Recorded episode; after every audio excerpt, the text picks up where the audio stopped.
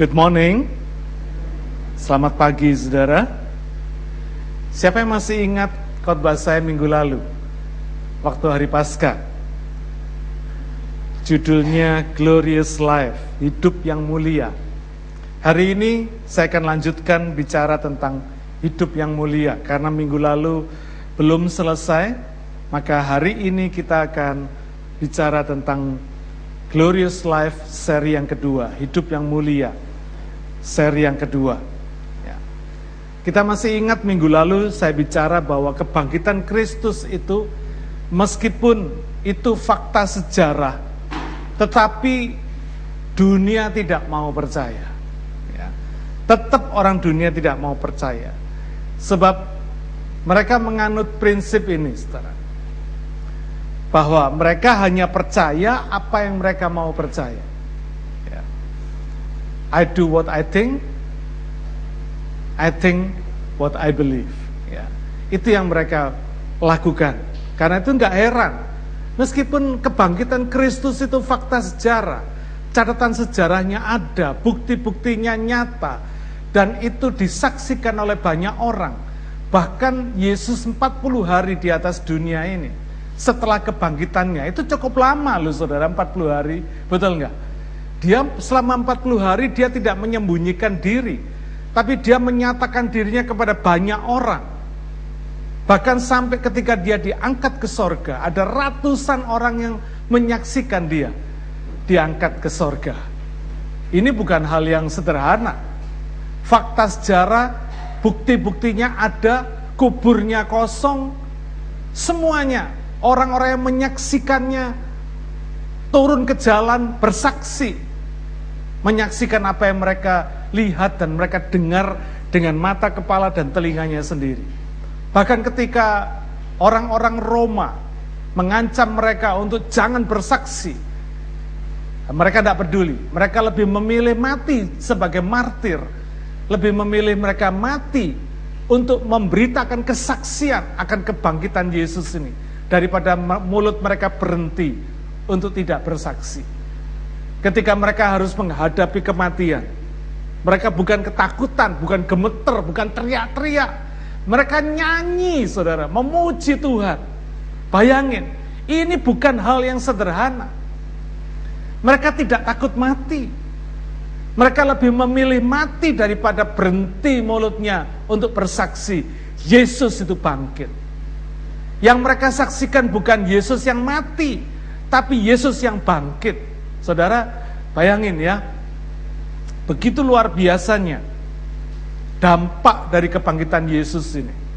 Jadi jangan heran saudara kalau pada waktu itu banyak orang, ribuan orang bertobat, terima Tuhan Yesus, percaya kepada Yesus. Meskipun mereka tahu ancamannya mati, mereka nggak peduli.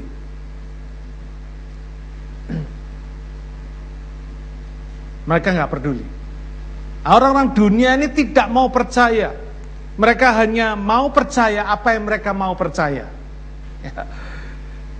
Meskipun itu kebenaran, kebangkitan Yesus itu satu kebenaran. Mereka tidak mau percaya. Biar itu benar, kalau mereka nggak mau percaya, kita nggak bisa apa-apa. Makanya minggu lalu saya katakan, saudara kalau ada orang yang uh, saudara mesti bersaksi gitu ya, Saudara nggak usah repot-repot. Ya. Saudara nggak perlu membela diri. Kalau orang menuduh saudara, accuse saudara dan sebagainya. Karena apa? Bagi orang yang tidak percaya, biar saudara membela diri. Biar saudara berusaha menjelaskan dengan sejelas-jelasnya, sedetail mungkin pun mereka tetap nggak percaya. Karena mereka nggak butuh penjelasan saudara. Karena apa? Pada dasarnya mereka tidak percaya. Tapi kalau mereka percaya, mereka nggak butuh penjelasan saudara. Amin. Saudara nggak perlu susah-susah membela diri, menjelaskan dan sebagainya. Nggak peduli, nggak perlu. Ya. Karena kalau mereka percaya kepada saudara, mereka nggak butuh penjelasan saudara. Amin. Ya, ini prinsip yang paling penting sekali. Alkitab mengatakan itu sebabnya Kristus telah mengorbankan dirinya karena dosa-dosa kita. Dia bayar tebusan untuk melepaskan kita dari dunia yang jahat ini. Alkitab menjelaskan dengan tegas dunia ini jahat. Worldly view ini jahat. Sistemnya jahat. Ya. Galatia 1 ayat yang keempat. Sebab apa? Sebab seluruh dunia berada di bawah kuasa si jahat. 1 Yohanes 5 ayat 19. Jadi kalau saudara mau cari yang baik di dunia ini nggak akan pernah ketemu saudara. Karena memang dasarnya dunia ini jahat. Sistemnya jahat. Apa yang ada di atasnya itu jahat. Itu sebabnya Rasul Paulus menasihati kita supaya kita ini tidak kompromi dengan dunia ini. Sebab kompromi dengan dunia ini adalah tanda bahwa kita masih dikuasai si jahat. Ya. Karena ini sebuah sistem.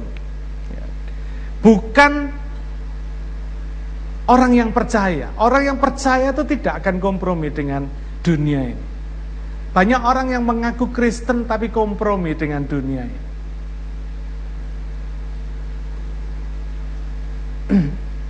Bagaimana mereka bisa dianggap percaya kalau mereka masih kompromi dengan dunia ini?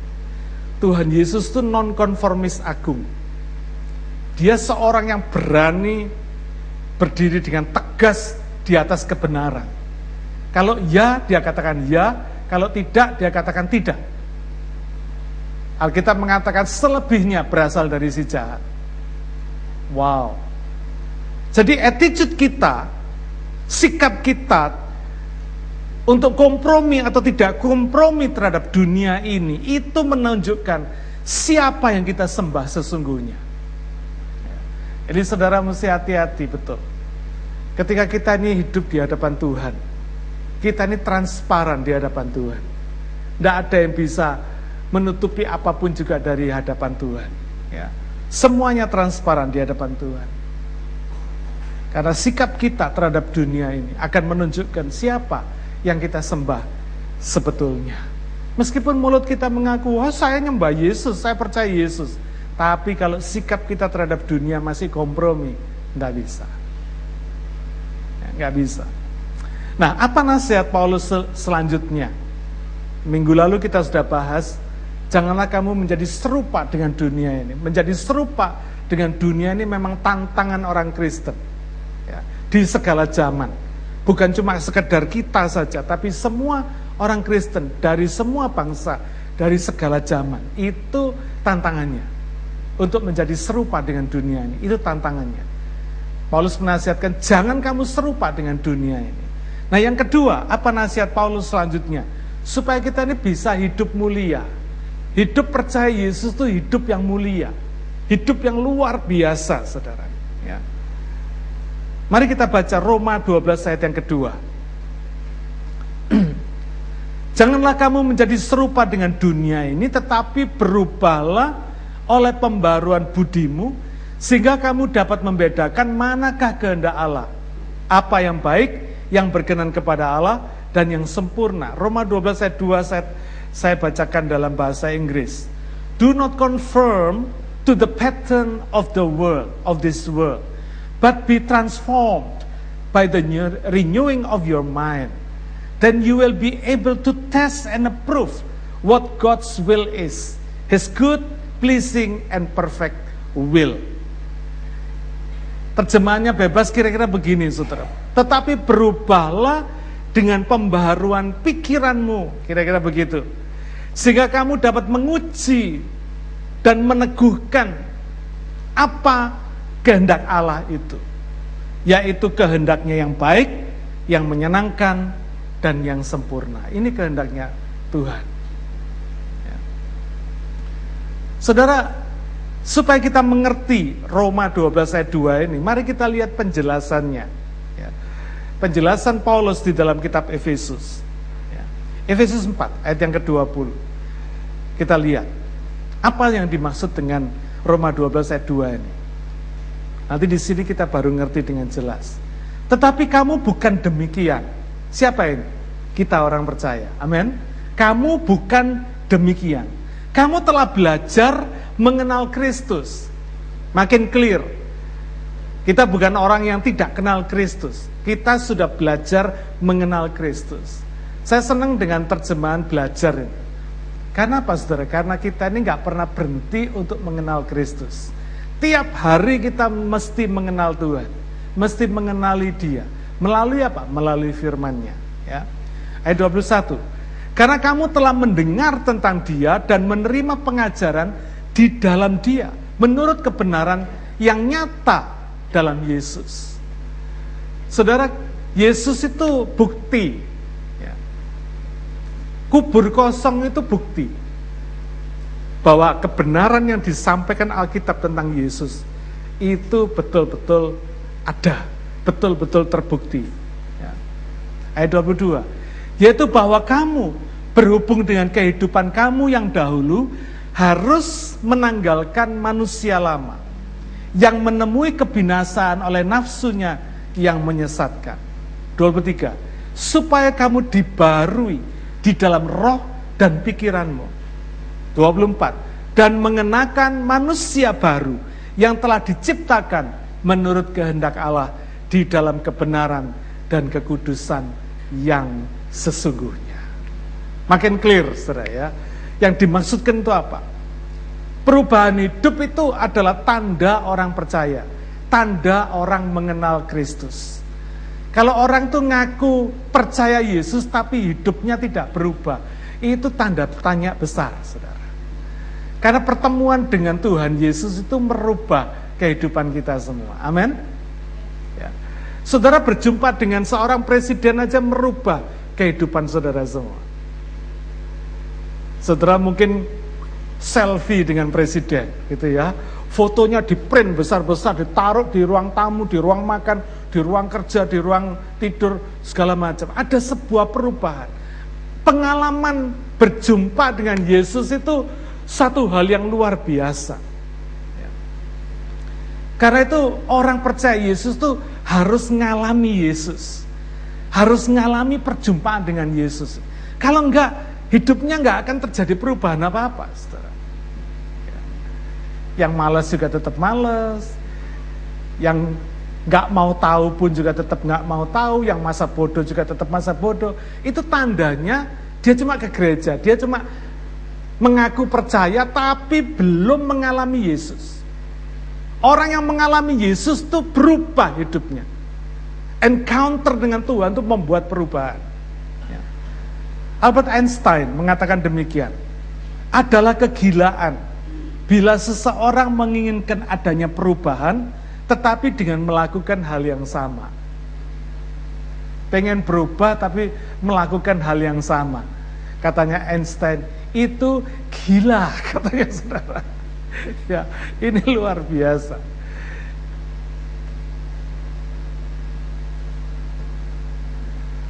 Kalau kita ingin perubahan tetapi tetap melakukan yang sama, itu gila katanya Einstein.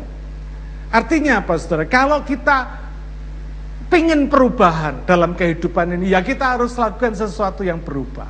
Sesuatu yang tidak sama. Amin.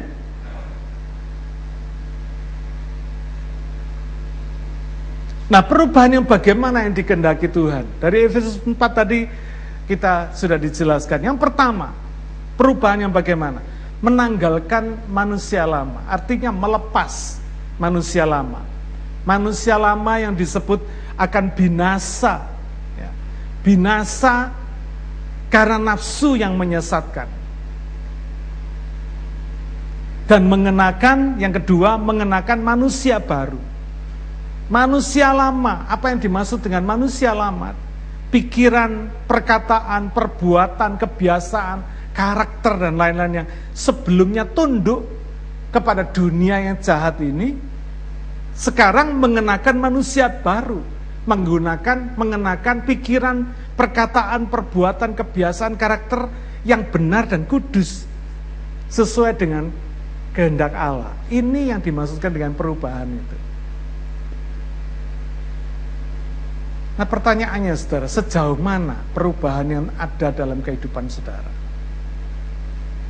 Kalau saudara perhatikan hidup saudara sebelum saudara mengenal Kristus, dan sesudah saudara mengenal Kristus, mengikut Yesus selama puluhan tahun ini, kira-kira perubahan apa yang saudara rasakan, yang saudara alami? Bukan karena kegiatan agamawi. Oh dulu saya tidak pernah nyanyi di panggung Pak, sekarang saya nyanyi di panggung. Oh bukan karena itu. Tetapi perubahan apa yang terjadi di dalam diri saudara? Saudara biar melayani di, di mimbar, biar khotbah sekalipun belum tentu berubah. Belum tentu saudara.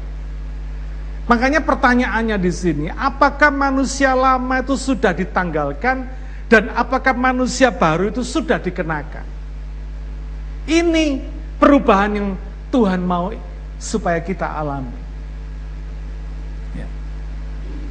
Perubahan atau be transform itu pakai kata metamorfo. Meta artinya berubah, morfo bentuk. Ya.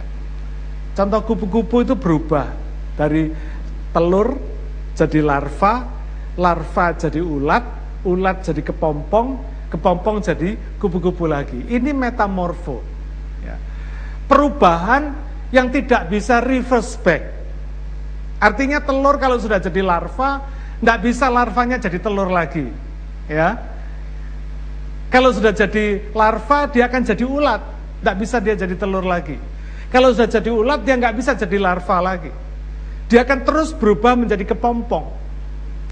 Kalau udah jadi kepompong nggak bisa balik ke larva lagi, nggak bisa jadi ulat lagi. Dia akan terus jadi kupu-kupu. Ini yang disebut transform. Ini yang disebut perubahan. Jadi perubahan orang Kristen itu tidak tidak langsung seketika, tidak, tetapi terjadi metamorfo ini. Terjadi perubahan, terjadi transformasi dari pikiran, transformasi dari perkataan, dari perbuatan, kebiasaan, serta karakter kita itu berubah hari demi hari. Itu perubahannya. Karena itu orang percaya yang sudah lahir baru. Saya senang dengan istilah lahir baru, born again. Bicara tentang born, bicara tentang kelahiran. Kelahiran itu tidak bisa dibatalkan. Sekali saudara lahir, saudara bilang gini, wah tidak enak, Balik lagi aja ke, ke perut mama, bisa nggak? Nggak bisa. Aneh saudara. Ya. Karena sekali kita lahir, kita nggak bisa dibatalkan lagi. Seumur hidup kita berubah. Ya. Kita nggak bisa jadi baby, nggak bisa jadi sikut, nggak bisa jadi embrio lagi, nggak bisa.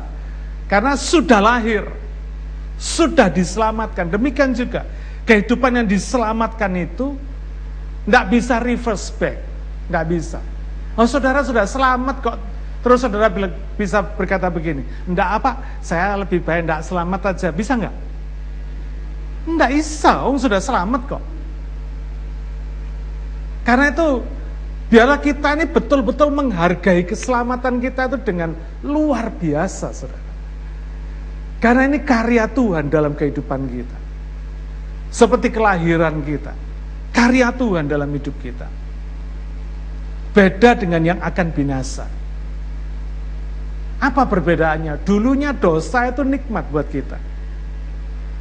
Menyenangkan buat kita. Tapi setelah lahir baru, setelah percaya Tuhan, setelah diubahkan oleh Tuhan, dosa itu jadi menjijikkan, jadi memuakkan, dan dibenci oleh kita. Ya. Dengan kata lain, coba saudara cek diri kita masing-masing. Kita tuh tidak bisa disebut lahir baru kecuali kita tuh membenci dosa. Oh ini tajam saudara. Perkataan ini keras. Memang tidak gampang diterima. Tapi ini faktanya. Orang Kristen yang masih kompromi dengan dosa, tidak bisa.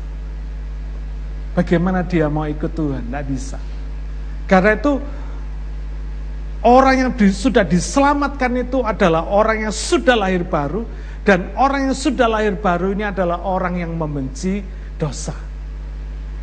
Ini coba pikirkan betul-betul dalam hati kita. Ya. Nah bagaimana caranya sekarang? Bagaimana caranya kita mengalami perubahannya? Roma 10 ayat 17. Dikatakan di sini im, jadi iman timbul dari pendengaran dan pendengaran oleh firman Kristus. Indah banget. Mazmur 119 ayat yang ke-11. Dikatakan dalam hatiku aku menyimpan janjimu supaya aku jangan berdosa terhadap engkau. Ayat 147. Pagi-pagi buta aku bangun dan berteriak minta tolong. Aku berharap kepada firman. Baik Paulus, baik pemazmur ini, maupun Yohanes 8 ayat 31 mengatakan demikian. Maka katanya kepada orang-orang Yahudi yang percaya kepadanya, jikalau kamu tetap dalam firmanku, kamu benar-benar adalah muridku. Ayat 32, dan kamu akan mengetahui kebenaran, dan kebenaran itu akan memerdekakan kamu. Memerdekakan kita, memerdekakan orang percaya. Dari apa? Dari pikiran yang salah, dari perkataan yang salah, dari tindakan-tindakan perbuatan yang tidak sesuai firman Tuhan. Dari kebiasaan-kebiasaan yang tidak sesuai dengan kehendak Tuhan. Memerdekakan memerdekakan kita dari karakter-karakter yang jelek, karakter yang tidak sesuai dengan firman Tuhan. Saudara luar biasa. Dengan renewing our mind. Wow, perubahan yang Tuhan kerjakan di dalam hidup kita itu bukan perubahan dari luar ke dalam. Perubahan dari luar eh, dari dalam keluar. Renewing our mind.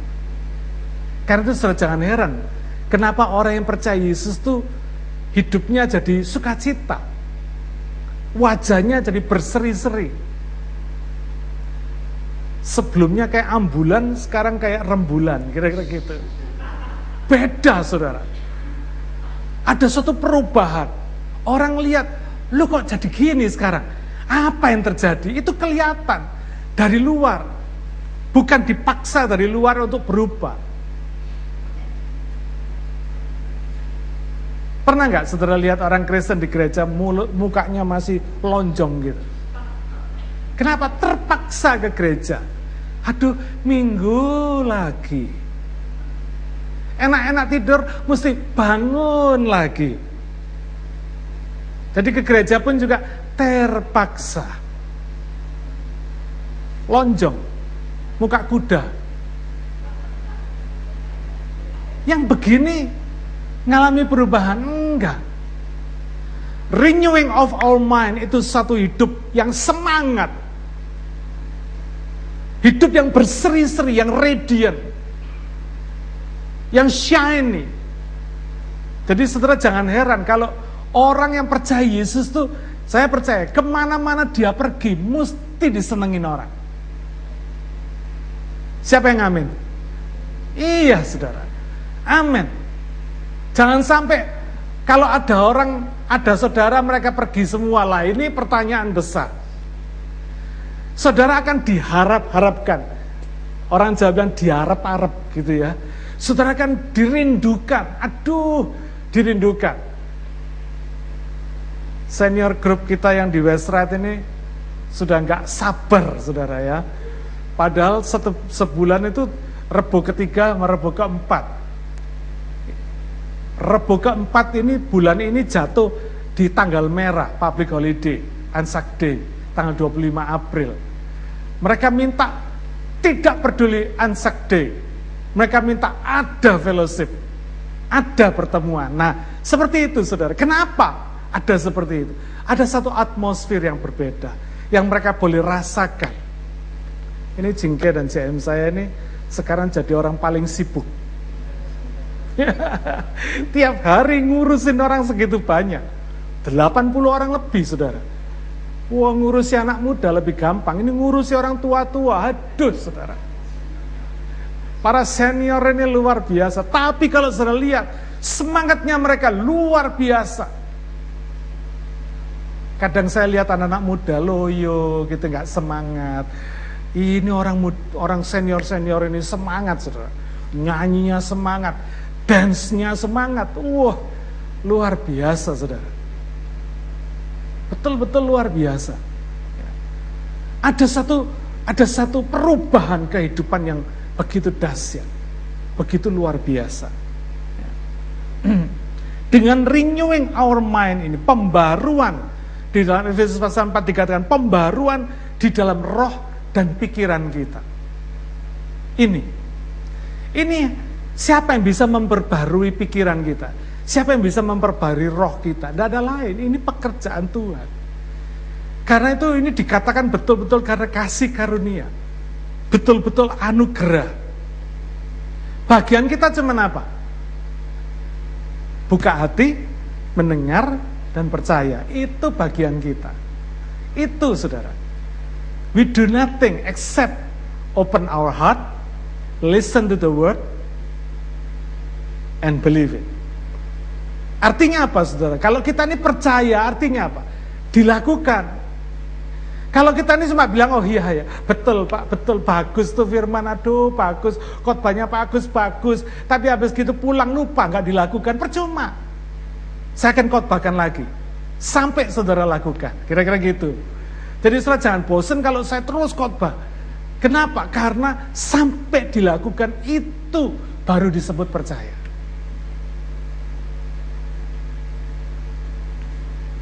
Kalau saudara ke dokter, dikasih resep sama dokter. Saudara sudah ke dokter, sudah bayar sama dokter, sudah terima resepnya, sudah ke apotek, nebus obatnya, beli di apotek, terus saudara, saudara minum.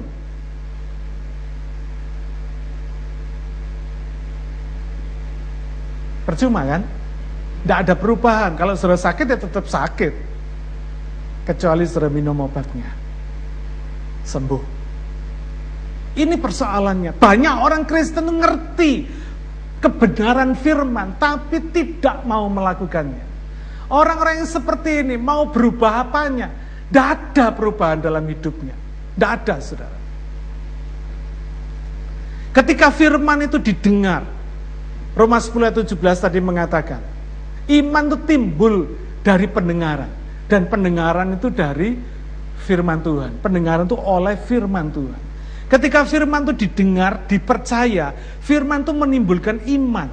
Sehingga kita berani mengambil langkah iman. Step of faith. Langkah iman. Artinya apa sih langkah iman? Sederhana, saudara. Taat. Langkah iman itu cuma taat. Kapan saudara bisa mengalami kuasa firman? Kalau kita nggak pernah lakukan. Lakukan kita akan melihat kuasa firman itu dinyatakan. Ya. Dan kalau kita lakukan firman itu, hidup kita ini ajaib, saudara. Ya, ajaib. Ketika firman itu dilakukan, maka firman itu secara ajaib mengubah roh dan pikiran kita. Saudara percaya, kalau saudara lakukan firman, dengan taat dan setia. Saudara, apa yang terjadi dikatakan di sini? Merubah roh dan pikiran kita. Roh dan pikiran kita. Merubah seluruh kehidupan rohani kita. Terjadi perubahan rohani. Roh yang diubahkan, itu kehidupan rohani yang diubahkan. Spiritual life kita berubah kalau dulunya saudara tidak suka berdoa, tiba-tiba saudara suka berdoa. Ketika saudara males, nggak suka baca Alkitab, ngelihat tebelnya Alkitab sudah saudara sudah ngeri lebih dulu. Sekarang tiba-tiba saudara suka baca Alkitab. Nggak habis-habisnya saudara baca Alkitab. Itu terjadi perubahan rohani. Kalau dulunya saudara tidak mau ke gereja, sekarang saudara rindu ke gereja. Rindu kebaktian terjadi perubahan. Dan ketika roh kita dirubah Tuhan, ketika kehidupan rohani kita dirubah Tuhan, pikiran kita, roh dan jiwa kita, pikiran kita juga diubahkan.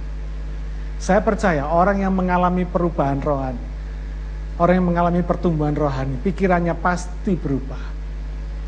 Pasti jadi lebih bijaksana, pasti jadi lebih pinter, pasti jadi lebih bijaksana, lebih smart, lebih cerdas, saudara. Apa pun yang saudara kerjakan, saudara akan jadi orang yang cerdas. Orang-orang di sekitar saudara akan melihat kecerdasan saudara. Orang nggak tahu, saudara tahu. Orang nggak ngerti, saudara ngerti. Kenapa? Ada terjadi perubahan. Ada pembaharuan pikiran kita. Yang semula pikiran kita ini terbatas. Sesuai dengan cuma dari bakat kelahiran kita saja. Tapi sekarang pikiran kita diubahkan sesuai dengan kuasa roh kudus. Beda saudara. Kelihatannya cuma dengar firman. Kelihatannya dengar, lakukan. Dengar, lakukan. Dengar, percaya, lakukan. Kelihatannya cuma itu aja. Tapi itu merubah kehidupan kita. Nanti saudara lihat. Saudara akan menjadi orang bijaksana. Apa pun yang saudara kerjakan. Saudara akan jadi orang yang luar biasa. Karena kuasa firman itu luar biasa. Saudara ingat, ketika Tuhan menciptakan dunia ini selama enam hari, Tuhan itu cuma ngomong, ngomong, betul? Dia cuma speak up, dia cuma bicara, dia cuma menyampaikan firman. Berfirmanlah Tuhan. Dan sekarang firman itu saudara dengar, saudara tangkap, saudara percaya. Saudara masukkan hati dan pikiran saudara. Hidup saudara diisi dengan kuasa penciptaan ini. Wow, dahsyat saudara. Nanti apa yang saudara katakan, apa yang saudara pikirkan, jadi. Baru mikir aja, jadi. Ada yang pernah ngalamin gitu? Iya. Baru mikir, belum ngomong, jadi Apalagi ngomong saudara, orang Jawa bilang mandi omongannya. Omongannya ini bertuah, punya kuasa, powerful. Wow. Nanti semua orang akan datang pada saudara minta nasihat. Karena apa? Perkataan-perkataan saudara ini diilhami, diinspire oleh Roh Kudus, diberikan ide kreativitas oleh Roh Kudus, diberi kebijaksanaan oleh Roh Kudus. Jadi perkataan-perkataan saudara ini membawa berkat. Orang tuh ngomong sama saudara jadi berkat, happy mereka, merasa ada jalan keluar, ada jawaban dari setiap persoalan. Karena itu nggak heran bagi saudara yang taat akan firman Tuhan, saudara yang hidup sungguh-sungguh percaya dan melakukan firman, saudara pasti akan dicari orang. Pasti akan dirindukan orang. Di mana pun saudara pergi, ke mana pun saudara berada. Eh kebalik. Di mana pun saudara berada, ke mana pun saudara pergi. Kira-kira gitu ya. Saudara pasti ditunggu sama orang. Ditunggu, dirindukan orang. Karena mereka merasakan kuasa. Yohanes 4 ayat 14 apabila kamu minum air yang kuberikan kepadamu, kata Yesus. Kepada wanita Samaria. Engkau tidak akan haus lagi. Karena dari dalam hatimu akan mengalir aliran-aliran air hidup. Wow, saudara. Dahsyat. Kelihatannya saudara tidak merasakan apa-apa. Kelihatannya. Siapa yang bisa merasakan? Orang lain di sekitar saudara mereka kan merasakan. Saudara nggak perlu tanya, eh gua berubah nggak? Eh gua berubah nggak? Nggak perlu. Eh wajah gua radiant nggak? Bersinar nggak? Shining nggak? Nggak perlu, saudara. Nggak perlu tanya begitu. Nanti orang lain yang akan merasakan kehadiran saudara itu jadi berkat. Amin. Ketika saudara dekat dengan mereka, mereka berkata, aduh, gua ini tiap kali dekat sama lu, gua ini happy lu Gue susah tapi deket sama lu, aduh, gue jadi sukacita, pulang happy. Ketemu saudara tuh pulang happy. Ada orang Kristen saudara, ini saya ngalamin sendiri. Ketemu dia tuh pulang bukan tambah happy, tambah susah saudara. Nah, yang begitu ini pasti dihindari orang. Kelihatan kita udah jauh-jauh, dia udah muter lebih dulu. Tidak ingin ketemu kita. Tapi kalau kita ini mengalirkan aliran-aliran air hidup, dari dalam hati kita. Lihat, dinanti-nantikan orang. Mereka yang berkata, lu kok lama sih nggak kelihatan? Kau udah kangen lu sama lu. Mungkin sudah berkata, gue ini dikangenin apanya ya? Gue ini rasanya kok nggak ngomong apa-apa, nggak bikin apa-apa, nggak bawa apa-apa, tapi kok dikangenin sama orang ini. Karena Alkitab berkata, dari dalam hati kita mengalir aliran-aliran air kehidupan. Wow. Dahsyat, saudara. Bayangin, kalau firman yang punya kuasa penciptaan seluruh alam semesta ini masuk di dalam hati saudara, masuk di dalam pikiran saudara, merubah hati, merubah pikiran saudara. Apa yang akan terjadi kira-kira? Hidup kita ajaib. Betul nggak? Kuasa penciptaan itu ada di dalam kita. Merubah roh dan jiwa kita, merubah hati dan pikiran kita. Dahsyat saudara, dahsyat. Kelihatannya sederhana. Saudara cuma dengar firman, baca firman, merenungkan firman, percaya, dan saudara lakukan firman. Kelihatannya seperti itu aja. Berulang-ulang seperti itu aja. Tapi terjadi perubahan. Cucu saya nomor dua. Waktu lahir beratnya tiga setengah kilo. Tiap hari kerjanya cuma minum susu. Saya lihat dia kalau minum susu, semangat banget gitu saudara ya. Kalau dikasih susu semangat banget. Kalau susunya ditarik, tangannya dia otomatis pegang botolnya. Masukkan lagi, minum lagi. Nggak pernah puas kira-kira gitu. Minum terus, minum terus, minum terus. Umurnya sekarang baru dua bulan. Beratnya sudah 5,9 kilo. Dari tiga setengah kilo. Beratnya jadi 5,9 kilo. Waktu lahir tingginya 54 cm. Sekarang sudah 59 cm. Bayangin saudara. Dua bulan. Kerjanya minum tok. Rambutnya makin lebat, Sebentar lagi saya yakin giginya pasti akan muncul, tulangnya makin panjang. Saudara, kok bisa? Kok bisa susu berubah jadi rambut? Susu berubah jadi gigi? Susu berubah jadi tulang? Kok bisa? Aneh ya? Jangan heran. Kalau hidup saudara diisi firman. Roh saudara diubahkan. Pikiran saudara diubahkan oleh firman. Apa pun yang saudara pikirkan. Apa pun yang saudara katakan. Apa pun yang saudara lakukan. Pasti produktif. Pasti menghasilkan sesuatu yang luar biasa. Bukan karena saudara hebat, tapi karena kuasa firman yang membuat saudara melakukan tadi itu. Itu yang hebat. Itu yang luar biasa.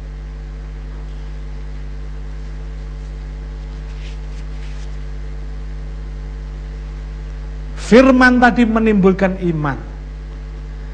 Lah bagaimana iman saudara bisa bertumbuh kalau tidak baca firman? Kalau tidak melakukan firman. Oh baca firman sudah pak, saya rajin baca Alkitab. Yang penting bukan rajinnya baca, rajinnya melakukan. Amin. Mending satu hari saudara baca satu ayat firman Tuhan dan saudara lakukan daripada satu hari saudara baca satu pasal tapi tidak satu pun ayat yang saudara lakukan. Percuma. Karena begitu saudara baca firman Tuhan, saudara cuma dibuat mengerti. Oh, ha, saya ngerti Pak, ngerti Tuhan. Tahu, ngerti, punya pengetahuan. Pengetahuan teologinya mantap, mendalam. Bahkan sekolah Alkitab punya sarjana teologi. Punya gelar panjang. Tapi kalau dia tidak lakukan firman, firman itu tidak akan pernah merubah apa pun dalam kehidupan kita. Amin. Lakukan firman.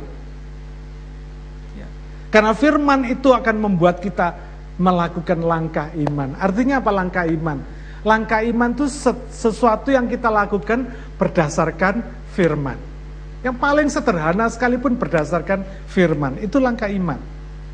Itu merupakan bukti terjadi pembaruan roh dan pikiran kita. Renewing our mind. Akan membuat kita tambah cerdas. Akan membuat kita makin selektif kalau kita tahu itu tidak baik, tidak kita lakukan. Sesuatu yang sia-sia kita tidak mau lakukan. Kita akan sangat hemat sekali dengan apa yang kita bicarakan. Kalau nggak perlu, nggak perlu ngomong. Ada nggak? Pernah nggak sudah ketemu orang Kristen yang cerewet sekali? Ngomongnya ceriwis gitu. Dikit-dikit ngomong, dikit-dikit ngomong suka mencampuri urusan orang. Bukan urusan dia, tapi dia mau campuri terus. Orang begini nih saudara, kelihatan roh dan pikirannya tidak berubah. Firman itu tidak mengubahkan dia. Tapi kalau saudara masukkan firman dalam hati dan pikiran kita, saudara akan berpikir cerdas, bicara hemat, tapi yang saudara katakan selalu bermanfaat. Bukan ngurusin, bukan campurin urusan orang Bukan cerewet, bukan ceriwis. Tapi betul-betul produktif. Yang saudara katakan itu bermanfaat. Kalau tahu itu nggak urusan sama saudara, nggak mencampuri urusan orang yang sedang nggak mau. Perbuatan saudara, tindakan saudara akan betul-betul selektif. Udah tahu itu salah, saudara nggak akan lakukan. Kenapa? Karena tadi itu terjadi perubahan hati dan pikiran kita. Bukan tidak boleh. Ada orang yang sering tanya, tanya sama saya gini, Pak boleh nggak sih Pak? Minum itu boleh nggak? Saya bilang ini urusan bukan urusan boleh nggak boleh. Betul? Tuhan itu akan membuat saudara bukan urusannya boleh nggak boleh. Ini boleh nggak Pak? Itu boleh nggak Pak? Ngerokok itu boleh nggak? Ini bukan urusan boleh nggak boleh. Tapi urusannya mau atau tidak mau. Artinya apa? Saudara punya kesempatan, bisa minum, bisa ngerokok, bisa judi, bisa segala. Kenapa? Karena saudara punya duit kok. Saudara bisa beli dan sebagainya. Tapi saudara akan tidak mau. Kenapa? Karena saudara cerdas. Saudara akan cerdas sekali. Pikiran saudara akan pinter banget. Saudara tidak akan melakukan hal-hal yang saudara pikir tidak berguna.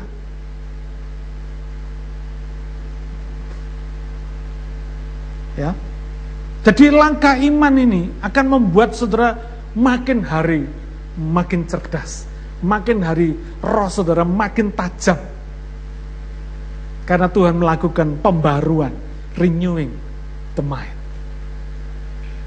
Diperbarui roh dan pikiran kita. Wah, asik saudara. Petrus yang semula penakut jadi pemberani. Petrus ini menyangkal Tuhan sampai tiga kali, ya kan?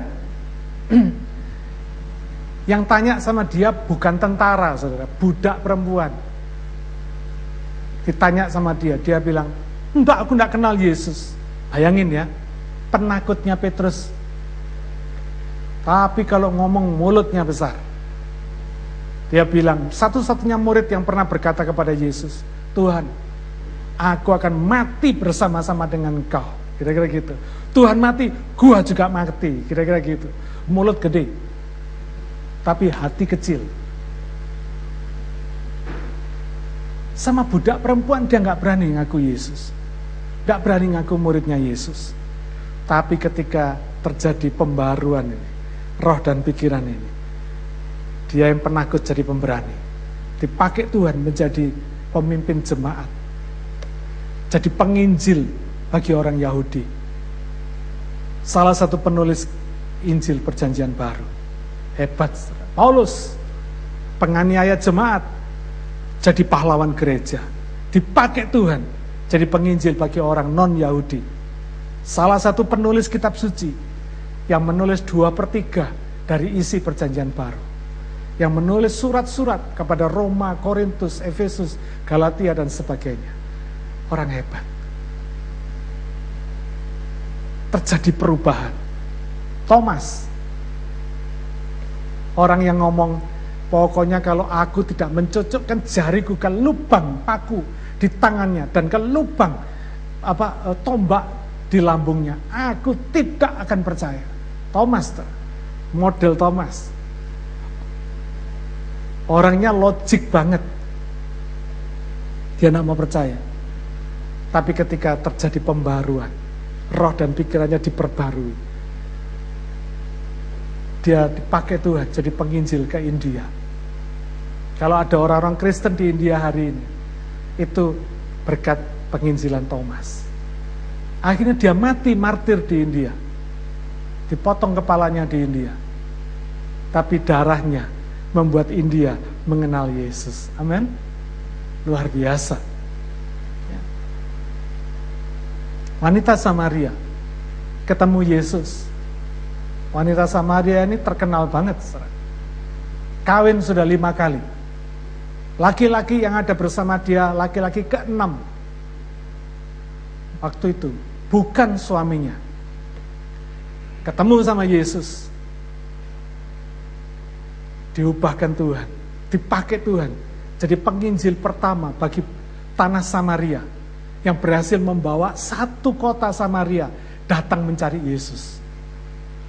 Tidak pakai sekolah Alkitab, tidak punya gelar sarjana teologi, tapi dipakai Tuhan menjadi penginjil bagi Samaria. Hebat nggak? Saudara, demikian juga kita. Saudara nggak perlu sekolah teologi, Bukan berarti tidak boleh sekolah teologi, tidak. Tidak perlu sekolah teologi untuk jadi penginjil. Tapi begitu saudara taat firman, saudara lakukan firman, dari dalam hati saudara mengalir aliran-aliran air kehidupan. Itu tidak bisa dibendung saudara. Aliran ini tidak bisa dibendung. Mengalir keluar dengan sendirinya. Ketika sudah ketemu sama orang, saudara akan bicara tentang Yesus. Bicara bersaksi tentang hidup saudara. Bagaimana kok bisa? Bisa.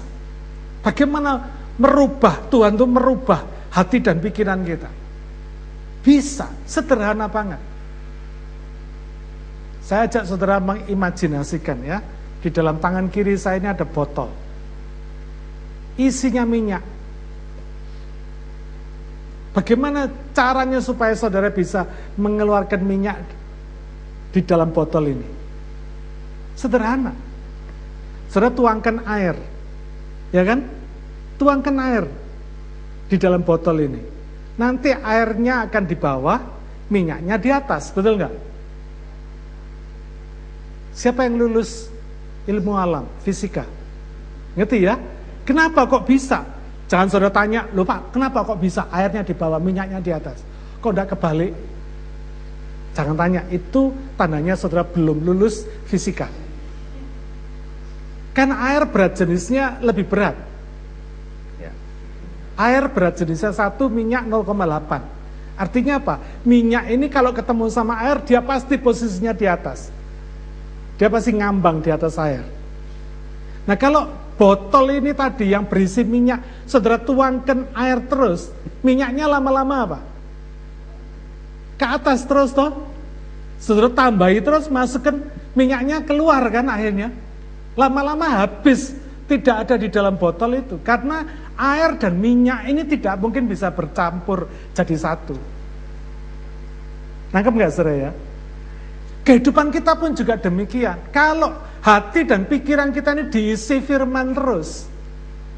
Lama-lama sesuatu yang tadinya dikatakan yang dulunya binasa karena mengikuti nafsu yang sesat, itu dunia itu yang ada dalam hati dan pikiran kita lama-lama terdorong keluar. Amin nggak, saudara?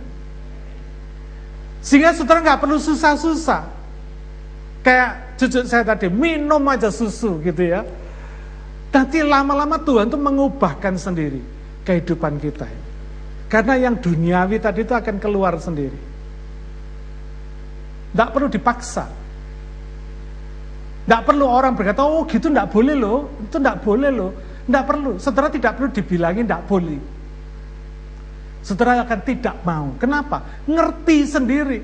Karena yang namanya worldly dan heavenly itu tidak akan pernah bisa kecampur. Amin. Yang dari Tuhan, tadi kita sudah nyanyikan. Kehendak Tuhan, jadilah kehendaknya di bumi. Artinya apa? Ketika kehendak Tuhan itu hadir di bumi, maka kehendak dunianya akan pergi. Ketika lampu ini dinyalakan, maka semua kegelapan di sini akan lenyap. Terusir keluar, tidak akan ada lagi. Ya. Karena itu hidup yang mulia itu adalah hidup yang diubahkan terus menerus. Itu hidup yang mulia. Hidup yang terus menerus setiap hari ini berubah. Saudara merasakan sendiri. Tidak perlu orang lain. Saudara bisa merasakan sendiri. Perubahan yang ada di dalam hidup saudara. Saudara kan heran-heran sendiri. Loh, gua ini kok gini ya? Biasanya tidak biasa gini. Saudara kan merasakan sendiri. Apalagi orang lain di sekitar saudara. Mereka akan melihat dan merasakannya sendiri.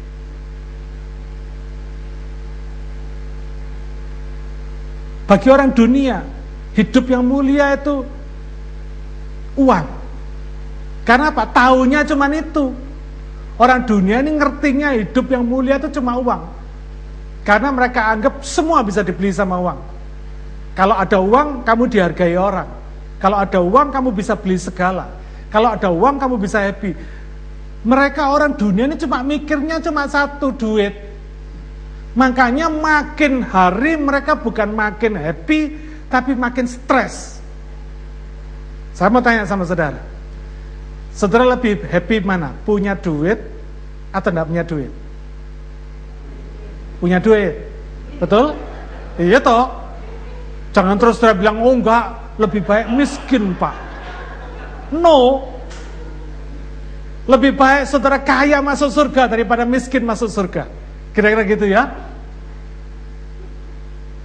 Of course. Lebih baik kita punya duit daripada nggak punya duit. Tapi punya duit itu bukan segalanya. Dapatnya happy. Tapi kalau coba duit saudara berkurang, happy nggak?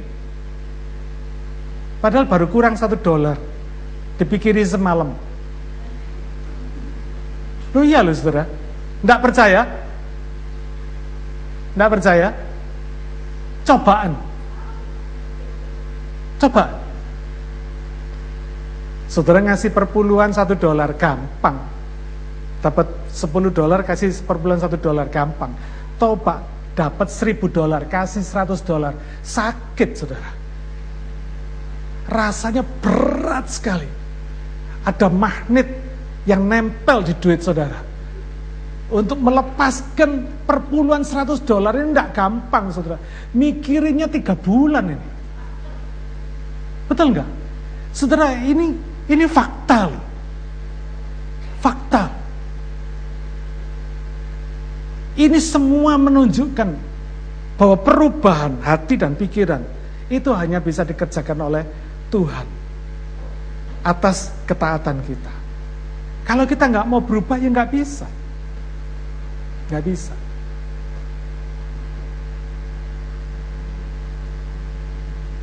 Maunya diberkati Tuhan terus. Tapi bayar per bulan nggak mau. Gimana kita ngalami? Nggak bisa. Nggak bisa kita ngalami. Kalau saudara mau kepingin mengalami, ya, mengalami berkat yang melimpah. Dari 30 kali ganda, jadi 60 kali ganda, buah yang melimpah. Jadi sampai 100 kali ganda.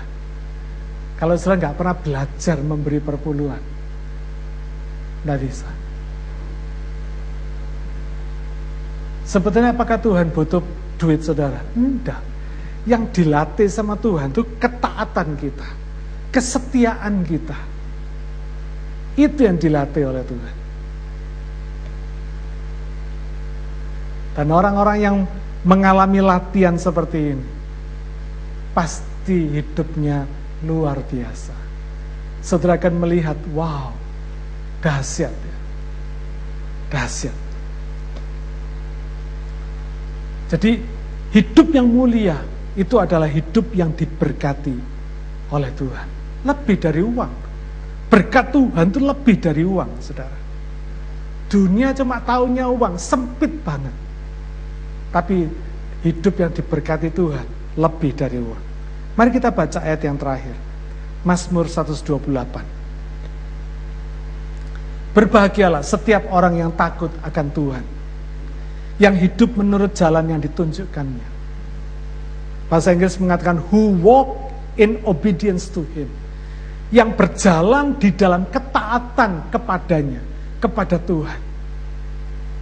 Who walk in obedience to him.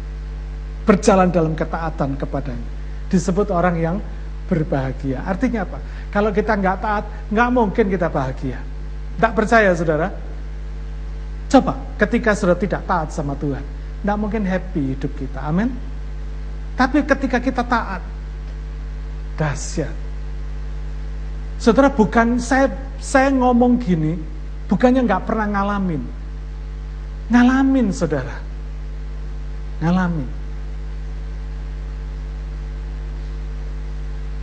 Ketika harus memberi perpuluhan. Wow, Gak gampang. Siapa bilang di sini memberi perpuluhan itu gampang? Gak gampang. Ini perlu ketaatan yang besar. Kayak tadi saya bilang, memberi perpuluhan dalam jumlah sedikit gampang. Tapi memberi perpuluhan dalam jumlah besar tidak gampang. Ngalamin, saudara.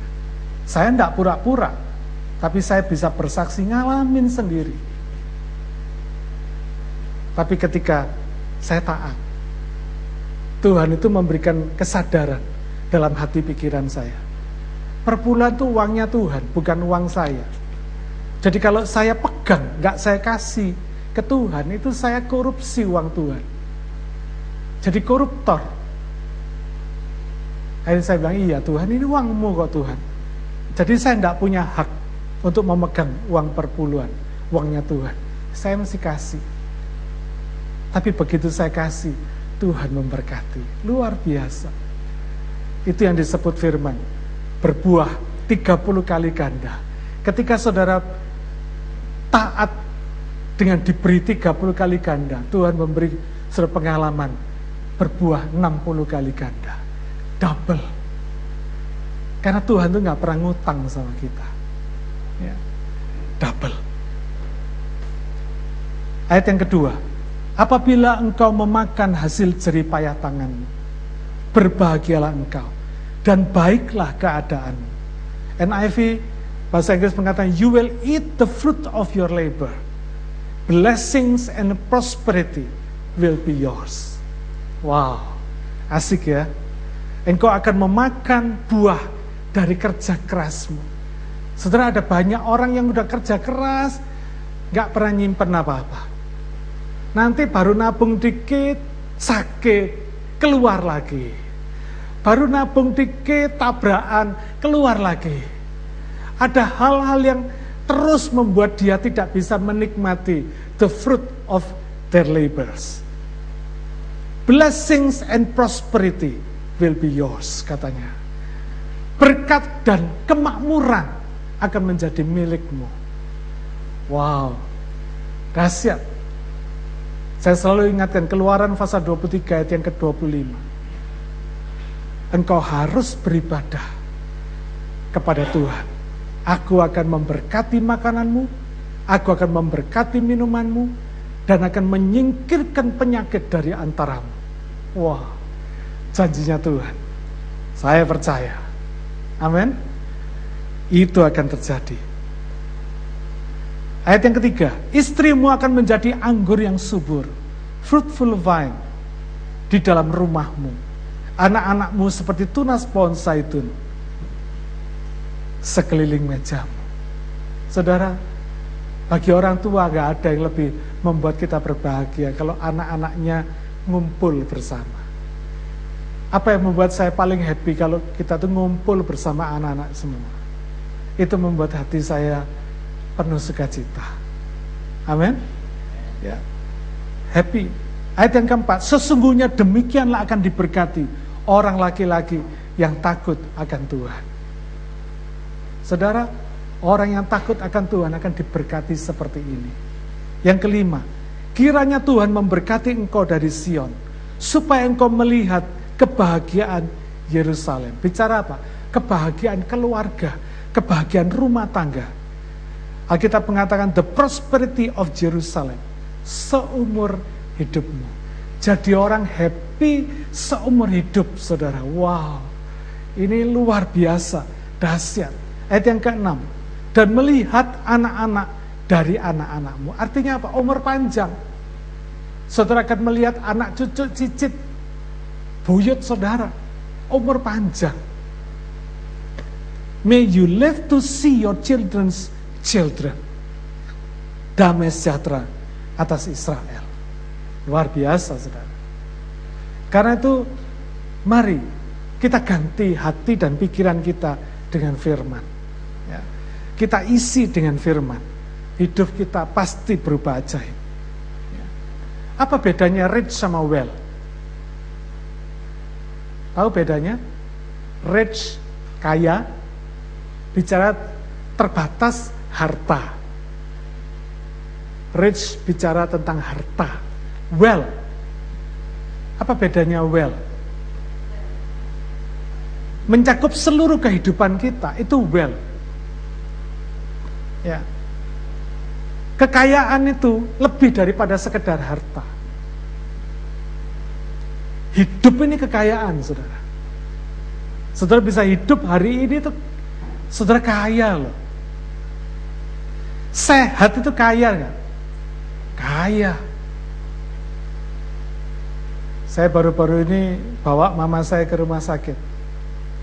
Diam-diam dia tiba-tiba kena serangan jantung. Bilang dadanya sakit, saya bawa ke rumah sakit. Hospital, emergency. Dan di situ saya makin ngeliat, wah sehat itu kaya, saudara. Sehat itu mahal, saudara. Tidak bias, tidak bisa dihitung sama duit. Happy itu kaya, saudara. Saudara bisa happy, bisa ketawa itu kaya, saudara. Itu berkat Tuhan. Ada banyak orang kaya tapi mukanya nggak pernah happy, mencucu terus. Apa dia bisa dibilang kaya? Enggak. Hidup susah saudara. Mukanya mencucu terus, waduh ya enggak kaya dia. Uangnya, depositonya mungkin jutaan dolar, tapi kalau hidupnya mencucu terus, enggak kaya dia. Enggak kaya. Saudara. Damai sejahtera. Itu kekayaan yang luar biasa hidup ini akan berubah jadi ajaib.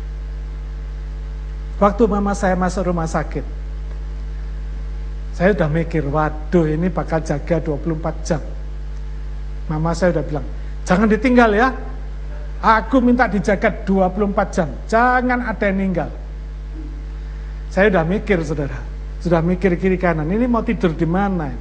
Ranjang cuma satu, yang ada cuma kursi, sandarannya pendek Lalu saya lihat di kejauhan ada kursi yang sandarannya tinggi.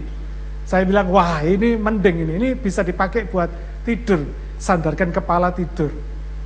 Baru ngomong begitu, nggak lama kemudian ada suster ngambil itu kursi sandaran dikeluarin dari kamar, dari ruangannya mama saya. Waduh, saya bilang, baru mikir Tuhan, ini kursi dipergiin gitu ya. Ya sudah, mau apa lagi? Terus saya ini cuman dalam hati, tidak ngomong sama siapa-siapa. Saya bilang gini, Tuhan, coba oh tadi kursi yang sandarannya tinggi tadi tak bawa cepet-cepet tak taruh di tempat saya, saya bisa pakai buat tidur. Baru cuma mikir, saudara. Hebatnya Tuhan. Di besok paginya, saya jaga malam, mikir lagi yang semalam saya pikirkan itu timbul lagi dalam pikiran saya. Lalu tiba-tiba mata saya itu ngelihat keluar kamar gini. Ini kamarnya mama saya pasti pojokan. Lihat keluar kamar. Eh kursi yang sandarannya tinggi tadi tiba-tiba ada di muka kamar. Luar biasa enggak? Lalu kebetulan suster lewat. Saya tanya sama suster, suster boleh enggak kursi ini tak bawa masuk, tak taruh di tempat saya buat saya tidur. Oh boleh aja, nggak tahu siapa yang naruh kursi ini di sini. Tapi dalam hati saya, saya tahu. Tuhan yang suruh malaikatnya bawa kursi itu di muka kamar. Mana ada saudara, kursi ditaruh di muka kamar. Tempatnya orang jalan loh saudara, dikasih kursi yang sandarannya tinggi. Mana ada kalau bukan malaikat yang bawa ke situ. Amin. Dahsyat Tuhan, baru mikir. Makanya tadi saya bilang, isi hidup kita ini dengan firman. Nanti hidup kita ini jadi ajaib, saudara. Jadi ajaib, betul-betul ajaib. Saya rasakan Tuhan, engkau ini betul-betul dahsyat. Nyuruh malaikat bawa kursi sandarannya tinggi, ditaruh di muka kamar. Saudara.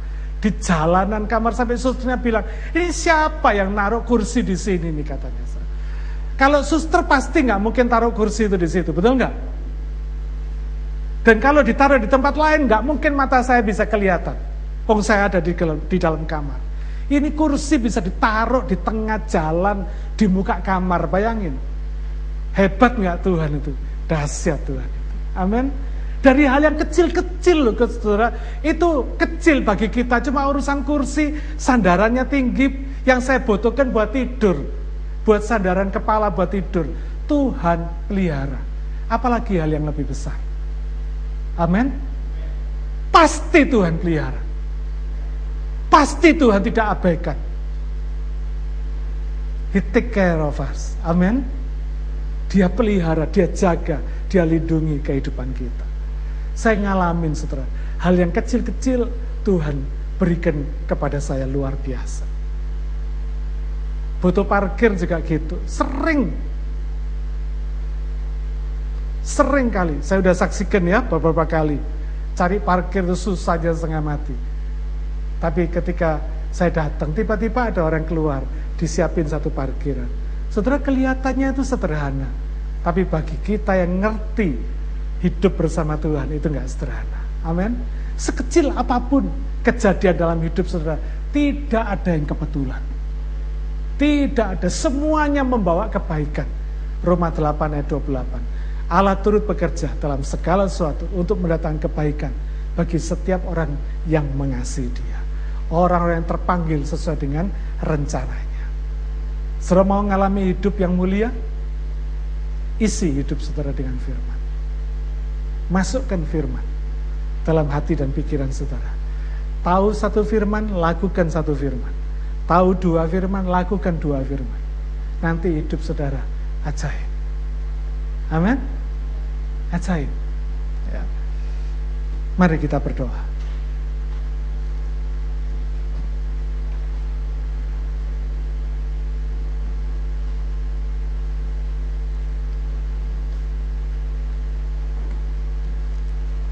Bapa Surgawi kami bersyukur kepadamu Karena hidup kami ajaib Di dalam engkau selalu ada keajaiban Oleh karena firman adalah firman yang mencipta, firman yang berkuasa, firman yang produktif. Ketika firmanmu mengubah hati dan pikiran kami, kami tahu Tuhan,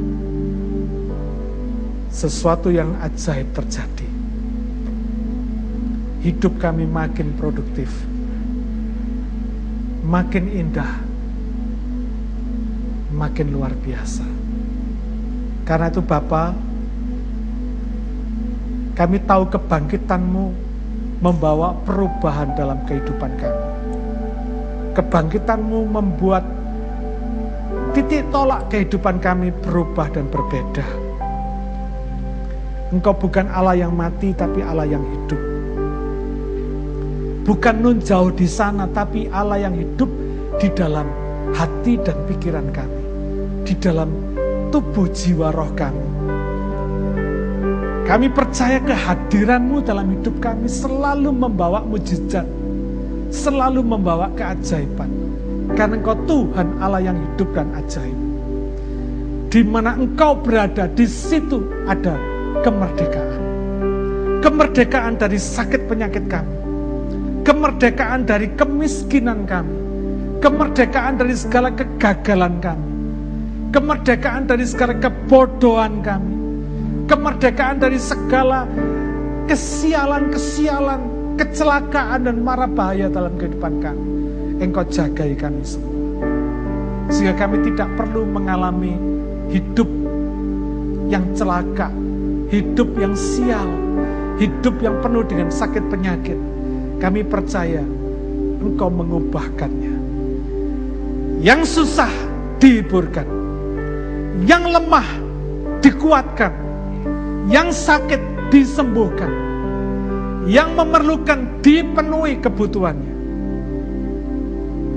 yang bodoh dibuat cerdas dan kreatif. Tuhan kami percaya Engkau hidup. Di mana ada Engkau, di mana ada firman, di situ ada kehidupan. Tuhan, mari. Apa yang mati dalam kehidupan kami, Engkau hidupkan. Roh yang mati, Engkau hidupkan. Pikiran yang mati, Engkau hidupkan. Semangat yang padam, Tuhan nyalakan kembali. Supaya hati dan pikiran kami bersemangat dan berapi-api melayani Engkau. Yang belum pernah mengalami pengalaman bersamamu Tuhan, berikan pengalaman. Reveal yourself to us Lord. Nyatakan kehadiranmu, nyatakan dirimu. Supaya hidup kami ajaib. Supaya kami bukan hanya melakukan aktivitas agamawi, tapi kami betul-betul mengalami hidup yang diselamatkan, hidup yang mulia. Oleh karena kami boleh diubahkan, tidak lagi serupa dengan dunia ini, bahkan tiap hari diubahkan, renewing of our mind. Engkau kerjakan itu dalam hidup kami, merubah, memperbarui hati dan pikiran kami, sehingga tiap hari kami makin baik, makin cerdas, makin diberkati Tuhan, makin powerful, makin berkuasa untuk menghadapi setiap situasi dalam kehidupan kami. Kami tidak lagi menyerah dengan persoalan-persoalan kehidupan kami, tapi Engkau membuat segala persoalan kami tunduk di bawah hikmat-Mu Tuhan. Engkau membuat kami mampu mengatasi setiap permasalahan kehidupan kami. Dan tampil sebagai pemenang, bukan pecundang.